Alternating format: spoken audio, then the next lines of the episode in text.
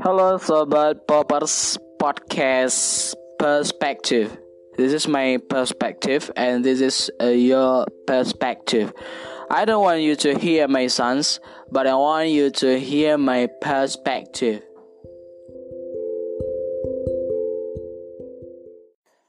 Halo sobat poppers podcast perspektif. Selamat malam semuanya para pendengar di mana pun berada Sebelumnya gue mau memperkenalkan diri dulu karena ini merupakan podcast pertama gue.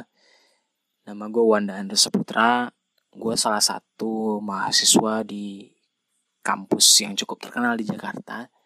Tapi gue udah resign dari sana dan ingin mencoba untuk ngapply beasiswa luar negeri. Mudah-mudahan gue keterima di sana dan minta doanya kepada para pendengar semuanya Mudah-mudahan gue lulus di sana menjadi awardee tahun 2020. Kali ini gue ingin menyampaikan ke lo semua kenapa gue memutuskan untuk bikin podcast dan apa motivasi gue untuk bikin podcast ini dan apa yang gue akan bahas ke depannya nanti. Pertama gue ingin mengimprove diri gue sendiri bahasa Inggris gue karena beberapa bulan yang lalu gue di kampung Inggris lebih kurang 4 bulan 2 minggu di sana tahun 2019 kemarin. Um, dan ingin mencoba untuk speak English namun gue masih grogi juga sih. Tapi gue akan berusaha untuk uh, satu persatu agar gue bisa uh, vokal dalam bahasa Inggris gitu. Dan juga yang kedua, gue terinspirasi dari seorang teman gue di Pare. Tapi beliau itu udah ini juga sih. Udah tamatan S1 juga sih. Sedangkan gue belum tamat S1 gitu. Namanya itu Arif Munandar. Mas Arif. Gue panggilnya Mas Arif karena udah jauh lebih tua dari gue. Dan beliau itu tamatan psikologi di salah satu universitas yang cukup terkenal di Bali. Dan di sana gue terinspirasi karena literasinya dan idealis juga. Uh, dan gue sering ngobrol bareng juga, diskusi bareng tentang pendidikan, kemudian tentang ekonomi, bahkan politik juga pernah. Dan sekarang dia beliau sih lagi kerja di kota Bandung dan nah gue terinspirasi dari beliau karena beliau merupakan seorang idealis dalam literasi keilmuan. Akhirnya gue memutuskan untuk bikin podcast juga gitu biar bisa sharing-sharing informasi atau isu-isu terbaru gitu. Nah ketiga kenapa gue bikin podcast karena kalau misalkan gue nggak uh, mempresentasikan ilmu-ilmu gue yang dapat nanti gue bakal lupa akhirnya ya ilmunya segitu-gitu aja gitu. Nah makanya gue putuskan untuk uh, bikin podcast ini biar bisa sharing bareng pada teman-teman semuanya. Nah itu aja sih kalau alasan gue bikin podcast. Selanjutnya kenapa sih nama podcast gue itu uh, podcast perspektif gitu? Apa yang mau disampaikan di sana gitu kan? Itu ada pertanyaan yang uh, mungkin orang akan menanyakan itu gitu. gue akan mengutarakan pandangan-pandangan gue tentang isu-isu terkini. Misalkan tentang kesehatan misalkan uh, pada hari ini dengan kasus maraknya kasus uh, virus corona, gue akan memaparkan isu-isu ter tersebut menurut pandangan gue gitu. Nah kalau misalkan kalian nanti mempunyai pandangan sendiri, boleh uh, langsung hubungin saya juga boleh melalui Instagram atau WA atau mungkin melalui Gmail atau melalui Twitter juga boleh nanti kalau misalkan lalu semua punya pandangan yang berbeda. Nah, gue akan terima itu semua gitu. Nah, perspektif itulah yang gue sampaikan nanti. Eh, baik itu politik, ekonomi, pendidikan, sosial budaya yang ada di Indonesia gitu. Nah, itulah yang gue utarakan nanti. Walaupun nanti gue salah, tolong diperbaiki. Maklum gue adalah manusia, gue pun belum ada titel gelar apa-apa dan ilmu gue juga sih nggak seberapa daripada kalian semuanya tapi gue yakin gue ingin menyampaikan ini untuk uh, biar bermanfaat untuk orang banyak gitu. Dan khusus hari ini gue gak akan bahas apa-apa, hanya memperkenalkan podcast gue. Dan mudah-mudahan bisa kalian terima di hati nurani kalian dan pikiran kalian juga.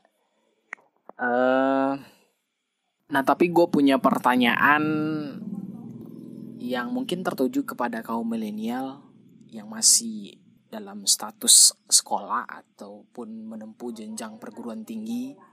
Kenapa kalian sekolah atau kuliah dan mungkin nggak sekolah dan kuliah itu menjamin kelangsungan hidup kalian gitu. Nah mungkin uh, kalian bisa memiliki pandangan-pandangan sendiri tapi gue akan menyampaikan pandangan gue melalui fakta-fakta yang gue temukan di lapangan gitu. Nah kenapa gue bisa memunculkan pertanyaan seperti itu karena orang-orang di sekitar gue ketika gue masih di jenjang SMA teman-teman gue tuh ada yang masuk SMK, ada yang masuk MAN, ada yang masuk SMA. Dan mereka tuh pada mempunyai keinginan dan cita-citanya sendiri. Misal contoh, teman gue ada yang sekolah di SMK. Nah gue tanya, kenapa sih sekolahnya di SMK? Kenapa nggak SMA aja atau ke mana aja gitu? Nah satu hal yang mereka jawab, setelah lulus dari SMK, kita langsung bisa bekerja. Oke, itu masuk logika juga sih. Karena SMK lebih banyak praktek di lapangan gitu. Contoh, misalkan kita ngambil jurusan otomotif dan jurusan tersebut kebanyakan itu langsung praktek di lapangan. Kedua, ada juga teman-teman gue yang di SMA. Kenapa sih masuknya di SMA gitu? Apa yang ingin dicapai di SMA setelah lulus di SMA? Kenapa nggak di MAN aja atau di SMK aja. Dan mereka rata-rata menjawab peluang masuk ke perguruan tinggi negeri itu lebih lebih besar daripada SMK atau MAN gitu. Kalau MAN kan lebih kepada UIN, Universitas uh, Islam Negeri atau Institut Negeri Islam Negeri gitu. Uh, tapi kalau SMK sih agak kurang juga katanya. Untuk peluang masuk perguruan tinggi baik itu di UIN baik itu di universitas negeri kayak UI misalkan atau ITB atau UGM gitu kan. Benar juga sih masuk akal juga sih jawaban dari mereka semuanya. Karena gue anak man gue juga bertanya juga sama teman-teman gue ada yang jurusannya uh, eh, IPK ilmu pengetahuan keagamaan gitu kan. Gue tanya kenapa sih masuk man? Apa yang lu capai setelah lu tamat dari man ini? Lu mau jadi apa? Gitu. Nah ketika gue tanya ada beberapa orang yang mempunyai jawaban yang berbeda-beda gitu. Ada yang mempunyai jawabannya setelah tamat man ini kita tuh udah ada modal dua bidang keilmuan pertama itu agama kedua ilmu pengetahuan alam atau ilmu pengetahuan sosial gitu. Karena memang di iman itu dicampur pembelajarannya. Pelajaran agama dan pembelajaran umum gitu. Nah, dan mereka tuh punya jawabannya sendiri dan ada juga yang lebih menarik jawabannya karena gue mau masuk ke UIN. Nah setelah masuk ke UIN, gue bisa jadi pegawai gitu. Baik itu di Kemenak baik itu di kantor kantor-kantor kedinasan gitu kan. Tapi uh, mungkin masih ada jawaban-jawaban yang unik dan menarik dari kalian semuanya. Tapi jawaban itu semuanya itu masuk akal. Nah itu adalah jawaban yang gue dapat dari pertanyaan tersebut. Dan kemudian gue bertanya buat apa sih kalian mengejar seperti itu? Uh, mengejar tersebut apa yang sih kalian dapatkan gitu. Dan ketika gue tanya dan rata-rata menjawabnya beda-beda. Ada yang menjawab biar gue bisa membahagiakan kedua orang tua gue ada yang menjawab ini adalah modal kehidupan gue untuk ke depannya gitu ada juga yang menjawab biar bisa cepat nikah gitu. Dan semuanya tuh jawabannya hampir kayak seperti itu. Dan paling banyak jawabannya memang membahagiakan kedua orang tua. Masuk logika juga sih sebenarnya jawaban-jawaban yang disampaikan oleh mereka. Tapi gue punya pertanyaan lagi kenapa harus berpendidikan? Harus berpendidikan dalam artian harus S1, S2, S3 gitu. Atau uh, tamat SMK harus bekerja, tamat SMA harus bekerja. Kenapa harus berpendidikan seperti itu gitu? Emangnya nggak bisa apa? Nggak berpendidikan, nggak bisa membahagiakan orang tua, nggak bisa nikah. Tapi kenapa harus berpendidikan? Sebenarnya bisa dulu pada zaman-zaman sebelum adanya pendidikan formal kayak sekarang yang adanya SD, SMP, SMA sampai di perguruan tinggi sampai pasca sarjana sampai doktor atau profesor. Dan memang pada zaman dahulu tuh nggak punya pendidikan seperti itu tapi mereka tetap uh, bisa membahagiakan kedua orang tuanya dan bisa memberikan kebanggaan bagi keluarganya dan bisa mendapatkan pekerjaan yang layak dan bisa menikah juga baik itu perempuan atau laki-laki mungkin kalian bisa mendengar sejarah-sejarah baik itu dari sejarah Islam ataupun ah, sebelum perang pertama perang kedua mana ada pendidikan seperti ini nah baru era-era modern seperti ini baru adanya pendidikan formal kayak sekarang dan titel itu menjadi satu hal yang luar biasa sekarang baik itu eh, sarjana, pasca sarjana maupun dokter atau profesor. Itu menjadi penting saat sekarang ini. Nah, gue mau menyampaikan ini ke lo semua buat kalian bisa pilah memilah satu persatu kalian mau jadi apa. Kalau misalkan ada teman-teman kita yang mungkin kurang ekonominya dan memaksakan untuk berpendidikan, emangnya menjamin pendidikan itu untuk Eh, keberlangsungan hidup menjadi sukses? Tetap bisa sih membiarkan orang tua. Tetap bisa mendapat pekerjaan yang layak. Tetap bisa menikah namun belajar kuncinya. Kuliah. Lu pikir kuliah itu emangnya um, kayak kuliah di luar negeri sana yang memang betul-betul uh, luar biasa beratnya? Di Indonesia mah gampang. Tinggal dibagiin tugas. Dosen yang bilang bikin kelompok satu kelompok dan kalian bahas ini. Nah kelompok pertama bahas ini besok kalian presentasi cari uh, buat makalah bikin makalah dan cari referensi buku. Itu aja sih sebenarnya. Fokus ilmunya itu kita nggak dapat. Kuliahnya seperti itu aja sih. Dan semakin ke sini malah sarjana itu kelihatannya nggak nampak. Dan Martin tuh nggak nampak uh, mereka tuh bener-bener sarjana loh. Mereka tuh bener-bener berilmu loh bermanfaat untuk masyarakat loh. Nggak ada kelihatan. Ada ada sih sebenarnya sejauh yang gue lihat banyak yang nggak ada gitu ya kuliahnya kuliah ya setelah kuliah ya cari pekerjaan kalau kata uh, tokoh di kampung gue sih uh, ayahanda Hamdi Sam bilang kalau misalkan anda kuliah setelah tamat kuliah hanya mencari pekerjaan dari orang lain, buat apa kuliah? Karena nggak adanya juga. Justru kita tamat kuliah itu kita membuat pekerjaan sendiri. Membuat skill agar kita tuh berguna dari masyarakat gitu.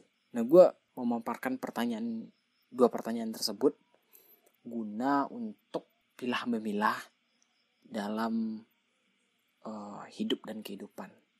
Nah, kalian mau jadi apa dan jalan apa yang kalian tempuh dan gunanya buat apa gitu. Nah, kalau misalkan kita balik lagi kalau misalkan S1, S2 emang bisa menjamin kesuksesan Anda. Emang bisa menjamin keberlangsungan hidup Anda dengan adanya, adanya titel gelar kayak begitu emang menjamin nggak ada yang menjamin nggak ada yang menjamin mungkin gue akan lanjut sharing ini di podcast berikutnya karena malam ini gue nggak mungkin kan untuk membahas terlalu panjang. Nanti uh, lu pada ngantuk atau mungkin lu pada uh, muak dengan gue ya nggak apa-apa juga sih. Tapi gue akan bahas ini lagi di episode selanjutnya. Mungkin dua pertanyaan ini belum kejawab semuanya. Kenapa harus berpendidikan? Mungkinkah pendidikan menjamin kesuksesan? Mungkin belum terjawab semuanya tapi gue akan uraian satu persatu di episode selanjutnya. Mudah-mudahan kita bertemu lagi di episode selanjutnya. Dan selamat malam. Thanks for listening my podcast. See ya. Oke sobat poppers, para pendengar podcast perspektif di mana pun berada. Kali ini gue bakal bersama teman gue dari Kendari, Sulawesi Tenggara. Namanya Wildayati, jurusan kimia di Universitas Halu Oleo. Beliau tamat tahun 2019. Di kesempatan kali ini gue bakal bahas tentang COVID-19 atau coronavirus. Mumpung kemarin tanggal 17 ya, 17 Maret itu hari perawat nasional. Gue mau bahas ini karena kemarin tuh hari perawat nasional, tapi uh, telat satu hari juga sih sebenarnya, tapi nggak apa-apa juga. Tanggal 17 Maret kemarin, Detik News mengeluarkan berita dari pihak pemerintah mengeluarkan surat edaran yang pertama memperpanjang status darurat COVID-19 atau virus corona yang awalnya tanggal 29 Februari 2020 sampai tanggal 29 Mei 2020. Nah, itu berlaku 91 hari. Nah, yang kedua itu perpanjang perpanjangan tersebut berupa 91 hari terhitung sejak tanggal 29 Februari 2020 kemarin. Yang kemudian yang ketiga yaitu uh, segala biaya yang dikeluarkan yang dikeluarkan oleh pemerintah melalui biaya anggaran BNPB, Badan Penanggulangan Bencana. Nah, gitu. Langsung saja kita kontak uh, Miss Wildayati. Kenapa gue panggil Miss? Karena gue di kampung Inggris Pare dulu. Di sana gue kenal sama dia dan satu kelas juga sama dia di sana. Dan akhirnya gue sekarang sampai sekarang bisa sharing-sharing bareng gitu. Uh, kita kontak via telepon. Halo assalamualaikum Miss Wilda. Waalaikumsalam. Uh, ini nih Miss Wilda. Teman-teman mau uh, bikin podcast tentang kesehatan gitu tentang virus corona yang mewabah di negeri kita nah uh, mumpung kemarin tuh tanggal 17 Maret 2020 eh, itu Hari Perawat Nasional. Nah, hmm. kita bakal bahas tentang pencegahan dari virus corona, terus gejala-gejala awalnya kayak gimana, dan hmm. langkah-langkah kita untuk safety diri sendiri itu bagaimana gitu kan. Nah, sebelumnya yeah. kita mau dengar dulu nih dari Miss Wilda perkenalkan diri dulu, uh, nama, kemudian uh, tamatannya apa, universitasnya di mana dulunya dan ya. asalnya dari mana gitu. Halo teman-teman, nama saya Wildayati. Kalian uh, bisa panggil aku Wilda. Okay. Aku lulusan uh, dari Universitas Halu Oleo, jurusan ya. murni tahun kemarin ya. Nah, oke. Okay. Tadi kan udah diperkenalkan diri uh, terlebih dahulu. Kita bahas tentang uh, virus corona atau COVID-19 yang ada di uh, negeri kita sekarang gitu. Nah, menurut pandangan Miss Wilda sendiri, gimana sih uh, pencegahan dari virus corona itu atau COVID-19 ini?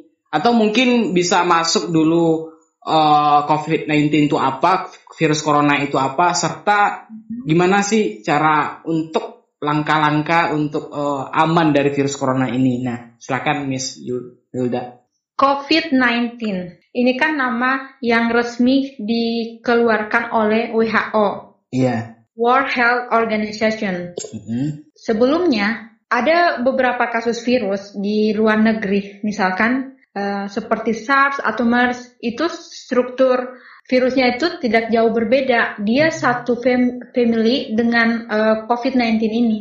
Iya. Yeah. Tapinya karena sejak berjangkitnya COVID-19 ini akhir 2019, mm -hmm. uh, maka ini sangat menarik perhatian uh, seluruh dunia, yeah. di mana uh, banyak para ilmuwan dan dokter di seluruh dunia itu berkampanye untuk memahamkan kepada uh, masyarakat atau rakyat bagaimana sih penyakit ini, entah itu dari gejalanya, yeah. uh, kemudian upaya untuk uh, mengobati dan mengembangkan vaksin yang efektif masih sementara dilakukan hingga saat ini, hmm. baik itu di Indonesia sendiri maupun di uh, luar negeri. Kemudian kalau berbicara tentang gejala, di mana kita tahu bersama udah banyak kan artikel yang merilis uh, bagaimana sih gejala-gejala corona itu. Yeah. Di mana ini kan tidak jauh berbeda. Coronavirus itu gejala-gejalanya tidak jauh berbeda dengan virus uh, flu. Di mana seseorang itu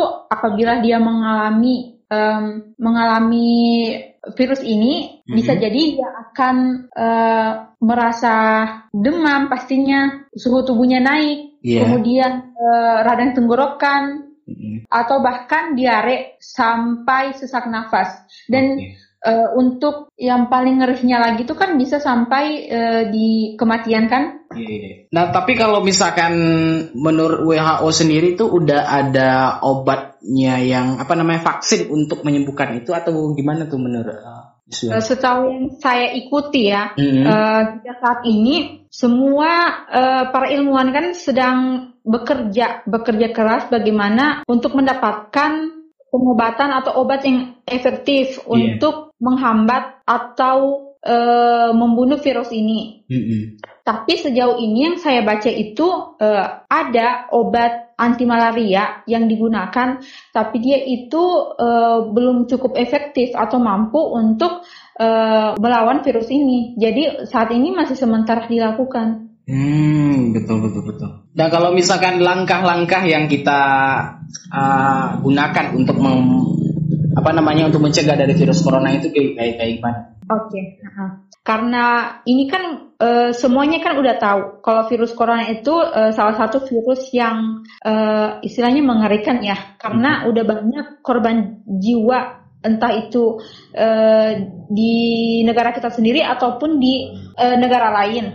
Jadi otomatis uh, masyarakat pasti was-was. Yeah. Was-was sih boleh, tapi kita juga jangan lupa untuk uh, melakukan pencegahan dari dalam diri kita sendiri. Misalkan kita harus uh, makan atau minum uh, sesuatu yang sehat, mm -hmm. makan dan minuman yang sehat. Kurangi dulu sesuatu yang tidak mampu untuk uh, meningkatkan daya imunitas kita. Hmm. Jadi sayur, buah-buahan atau makanan sereal lainnya itu uh, di sini mungkin sangat dianjurkan ya untuk saat ini. Nah kalau misalkan apa namanya itu? Kalau misalkan uh, stay di rumah itu gimana tuh, uh, Miss oh, iya. Wilda? Berdasarkan ini ya uh, arahan pemerintah yang yeah 14 hari itu. Uh-huh. Yang lekornya 14 hari selama karantina di katanya sih karantina di rumah masing-masing. Uh-huh. Uh, kalau karantina di rumah masing-masing yang bertujuan untuk memutus rantai uh, penularan virus corona ini sendiri, uh, saya rasa uh, ada baiknya. Uh-huh ada baiknya untuk masyarakat yeah. untuk mencegah uh, virus corona itu sendiri. Tapi kebanyakan masyarakat uh, kita yang saat ini mereka masih banyak yang berkeliaran di luar, hmm, entah itu karena bekerja atau apa. Karena setahu saya yang di uh, apa ya namanya, yang dibebaskan untuk kerja di rumah misalkan itu kan hanya untuk ASN atau yang ini. Tapi kalau untuk kayak pedagang kaki lima atau apa gitu kan masih banyak yang yang masih bekerja gitu ya. Iya. Oh. Sebenarnya kalau menurut aku sih maksudnya nggak masalah sih mereka kerja apalagi kalau mereka tidak kerja kan di mana kita mendapatkan uh, apa bahan makanan pokok tapi uh, itu juga maksudnya pencegahan maksudnya gimana ya langkah-langkahnya itu biar safety apa ya? sendiri, uh, safety-nya safety mereka sendiri mereka juga harus tingkatkan. Hmm, benar-benar benar banget. Dan berdasarkan jurnal yang saya baca, kalau mau disebutin ya makanan-makanan hmm. makanan-makanan yang mungkin yang istilahnya yang sangat baik apa untuk meng, untuk menghadapi virus corona ini. Iya. itu makanan yang misalkan uh, yang penting ada apa namanya sistem kekebalan tubuh kita tuh meningkat gitu kan? Iya. Nah gitu. Nah menurut uh, Miss Wilda itu kan ada WHO mengumumkan kasus virus corona ini tergolong pandemi. Itu gimana sih maksudnya? Karena uh, banyak di antara kita kan teman-teman nggak paham gitu kan pandemi itu apa Coronavirus dikatakan pandemi. Jadi maksudnya eh, pandemi ini kan artinya eh, penyakit yang secara global atau penyakit yang menyebar di seluruh dunia di mana penyakit ini merupakan penyakit baru meskipun uh, sebelumnya dia memiliki family yang agak mirip seperti SARS dan MERS tapi karena penyakit ini dia menular dan memiliki garis infeksi berkelanjutan dan berjangkit secara serempak di mana-mana di tahun ini. Jadi itulah dikatakan sebagai pandemi. E, kenapa diklasifikasikan sebagai epidemi? Karena penyebaran penyakitnya itu sangat cepat dari suatu wilayah ke wilayah tertentu. Misalkan yang terbaru ini kan COVID-19 yang dimulai e, sebagai epidemi di Wuhan, Cina sana sebelum pada akhirnya menyebar ke seluruh dunia. Um, ada satu pertanyaan lagi nih Miss Wilda. Nah, itu kan Miss Wilda dari Kendari ya? Mm -mm. Nah, Kendari kan kemarin-kemarin tuh ada yang lagi viral di Twitter juga trending topik loh tentang 47 warga negara asing dari 49. Cina.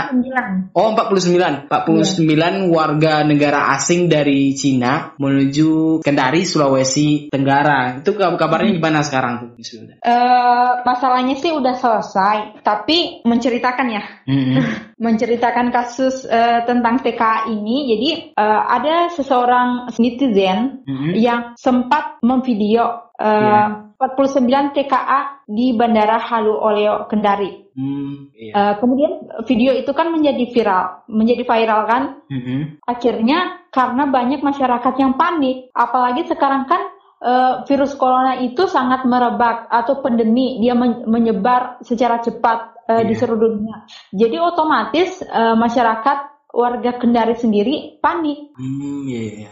Dan uh, olehnya itu Kapolda Sulawesi Tenggara dia uh, mengklarifikasi itu bahwa CKA 49 yang mendarat di Bandara Halu Oleo Kendari ini uh-huh. mereka bukan berasal dari Cina tapi mereka dari Jakarta untuk yeah. mengurus visa agar bisa lanjut kerja di Morosi. Yeah. Morosi ini salah satu tempat atau daerah uh, pertambangan yang mm-hmm. banyak orang-orang uh, Cina di dalamnya, entah itu Cina yang udah lama sebelum uh, adanya coronavirus. Mm-hmm. Nah, kemudian netizen eh, warga yang yang memfire bukan yang memviralkan, yang memvideo ini mm-hmm. kemudian ditangkap dan disuruh minta maaf karena telah mengundang keresahan masyarakat Kendari kan? Oh iya. Nah, pada akhirnya setelah dikonfirmasi ke Pak Sofian, dia kayak kepala ketenaga kerjaan uh, Republik Indonesia, hmm. dia mengatakan bahwa dia mau dia tidak membenarkan tentang pernyataan Kapolda tersebut. Hmm. Dia menyatakan bahwa TKA 49 orang ini bukan berasal dari Jakarta, tapi memang berasal dari Cina yang kemudian mendarat ke Jakarta. Mereka diloloskan uh, ke Bandara Halu Oleo ini karena mereka kayak mengantongi apa ya kayak surat apa gitu yang hmm. tapi mereka tidak dikarantina di Jakarta. Hmm, iya. Semua sudah clear, sudah terklarifikasi. Uh, Pak Limazi, Gubernur Sulawesi Tenggara itu kemudian mengatakan kepada salah satu reporter di Sulawesi Tenggara, dia bahkan merinding dan tidak tahu tentang tentang itu. Kejadian dan, itu ya? Iya dan menyayangkan ke, kepada Kapolda mengapa uh, Kapolda tidak langsung memberitahu uh, Pak Gubernur ini. Dan akhirnya karena mereka udah di sana 49 TK ini diisolasi di mana Pak Alimazi dia menurunkan uh, tenaga kesehatan, dokter dan uh, kepolisian mm-hmm. untuk mengisolasi uh, para TKA di sana. Jadi ini sangat uh, berdampak ya untuk uh, khususnya untuk masyarakat Kendari yeah. karena kayak kurang percaya lagi dengan aparat-aparat uh, kepolisian atau apa karena itu tidak adanya transparan. Ya mungkin apa? karena miskomunikasi juga kali ya antara pemerintah dan warganya juga.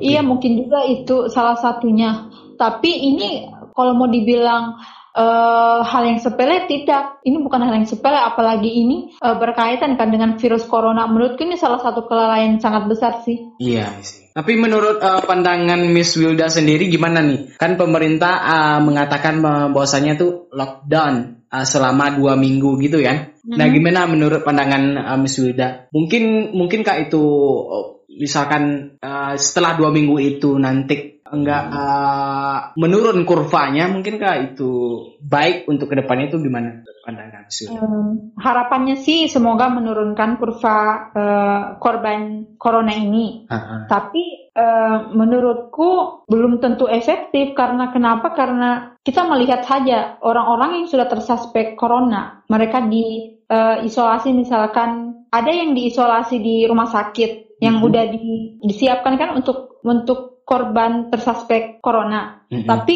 tapi ada juga yang menurut ini ya apa namanya menurut informasi banyak juga yang tidak mendapatkan fasilitas itu misalkan mereka disuruh menunggu atau uh, fasilitas ruangan isolasinya kosong iya, iya. Jadi, jadi menurutku menurutku ya uh, Indonesia ini belum siap untuk menghadapi virus corona ini sebetulnya Tapi, memang belum siap sih sebenarnya karena fasilitas fasilitas yang yang setiap daerah belum lengkap semua kan. Benar, apalagi misalnya di masyarakat, jangankan berbicara di di ibu kota kita sendiri, di daerah-daerah terpencil mana mana ada orang mana tahu masyarakat itu pemahaman tentang virus corona. Mereka masih ini aja kok, maksudnya masih kerja, masih apa, masih ke sana kemari. Karena mereka mau ngapain iya. nggak di nggak dibagiin apa juga kan Iya juga sih nah kita tadi berbicara tentang virus corona menurut perspektif pandangan Miss Wilda dari pandangan kimianya kayak gimana dan ilmu kesehatannya kayak gimana gitu kan hmm. nah kebetulan Miss Wilda ini teman-teman dia tuh seorang muslimah juga nah, gitu kan uh, karena kemarin fatwa MUI Majelis Ulama Indonesia mengatakan bahwasanya uh, sholat Jumat berjemaah itu diharamkan buat uh, kondisi sekarang. Nah itu menurut Miss Yuda sendiri gimana kalau misalkan daerah-daerah yang belum darurat gitu, apakah masih uh, apa namanya masih dianjurkan juga atau gimana ya? Uh, menurut saya begini, uh, sebagai manusia yang kita juga punya pencipta kan, mm-hmm. uh, kita nggak usah terlalu uh, takut banget dengan virus corona karena setiap manusia kan pasti punya ajal masing-masing, entah ya, itu memang, uh, entah itu memang ajal karena virus corona ataupun bukan. Jadi menurut saya lakukan saja pencegahan uh, semaksimal mungkin. Mm-hmm. Itu urusan yang lain. Yang la- yang lain itu ya biarkan Allah yang atur. Tapi kalau misalkan terka- tentang masjid yang di apa ya di isolasi ya namanya atau apa masjid uh, yang uh-uh, ya, itu enggak. mungkin sebenarnya ada baiknya sih supaya untuk mencegah, untuk mencegah uh, penyebaran virus corona itu sendiri. Pasti nggak mungkin lah mengeluarkan fatwa yang uh, sembarangan. Mm -mm. Jadi pasti ada baiknya gitu kan untuk jadi bukan berarti uh, masyarakat misalkan kayak gini misalkan kayak Ka'bah Ka'bah itu Ka'bah kan sampai kosong kan? Iya nggak ada yang umroh gitu kan? Padahal sebelumnya uh, tidak pernah Ka'bah itu kosong. Selalu ada yang uh, tawaf atau apa. Tapi pada akhirnya itu dikosongkan. Terus ke, bagaimana pendapat para ulama? Kalau bergantung dengan kesel keselamatan atau kemaslahatan umat menurutku alasannya itu syar'i kok bisa diterima. Tapi kita berdoa aja semoga semuanya kembali seperti semula. Amin, amin ya Rabbal Dan virus corona juga ini uh, berhenti sebelum secepatnya lah sebelum uh, Ramadan. Oh iya. Ramadan bentar lagi ya, satu bulan lagi. Orang mau ini loh, mau tarawih Bener banget tuh. Tarawih kan itu harus berjemaah kan, nggak bohong, nggak bisa sendiri-sendiri di rumah. Iya. Mungkin ada pesan-pesan lagi, nih sudah. Oh iya, pesannya. Mungkin yang pertama saya mau sampaikan kepada pemerintah. Mungkin ada kalau untuk yang mendengar ini mungkin ada teman-teman yang bilang kenapa sih pemerintah terus yang disalahin atau apa?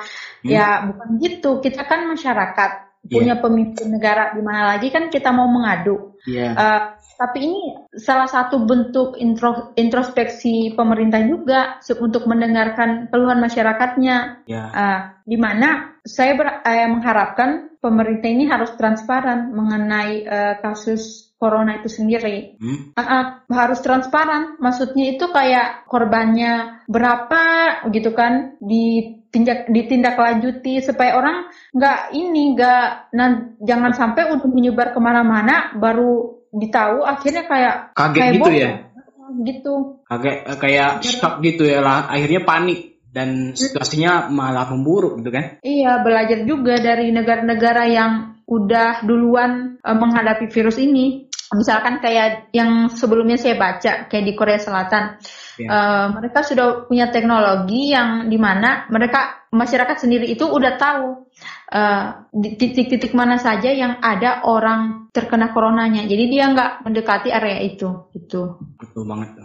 Tapi karena kita negara berkembang ya maksudnya nggak bisa juga kayak dibandingin bandingin. Tapi kan bisa maju ya. Uh, jadi bisa uh, ambil pelajar di balik itu. Hmm. Menurutku sih yang paling penting itu aja, maksudnya uh, kesehatan, maksudnya fasilitas kesehatan, fasilitas pelayanan untuk uh, masyarakat itu lebih di ini, lebih ditingkatkan. Nah, ada pesan-pesan nggak buat uh, mumpung kemarin tuh ada tanggal 17 Maret kan Hari Perawat Nasional, ada pesan-pesan nggak? Oh, gitu ya. Oke, selamat Hari Perawat Nasional untuk perawat-perawat yang luar biasa di Indonesia ini.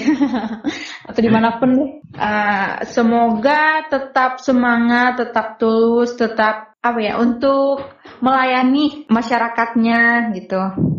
Semoga tetap sehat, didoakan. Khusus, khususnya pasien-pasien corona ya. Iya, karena luar biasa mereka kan iya. langsung terjun langsung uh, terjun, terjun langsung untuk menghadapi pasien suspek. Uh, gitu aja sih Miss Wilda mm -hmm. hari ini. Mungkin Miss Wilda ada Instagramnya mungkin atau Twitter atau YouTube juga boleh atau blog juga boleh nanti di share ke teman-teman biar uh, pada tahu semuanya kepoin kan yang mana nih Miss Wilda gitu kan. Oke okay, guys, untuk kalian uh, yang ingin mengenalku lebih dalam bisa uh, kita bisa follow-followan lah di Instagram akun Instagram aku will die hanya itu ada empat. Terus di akun channel YouTubeku uh, Wildas Diary. Dan untuk kalian yang yang suka membaca bisa mengunjungi uh, website blogku di Pena Wilda.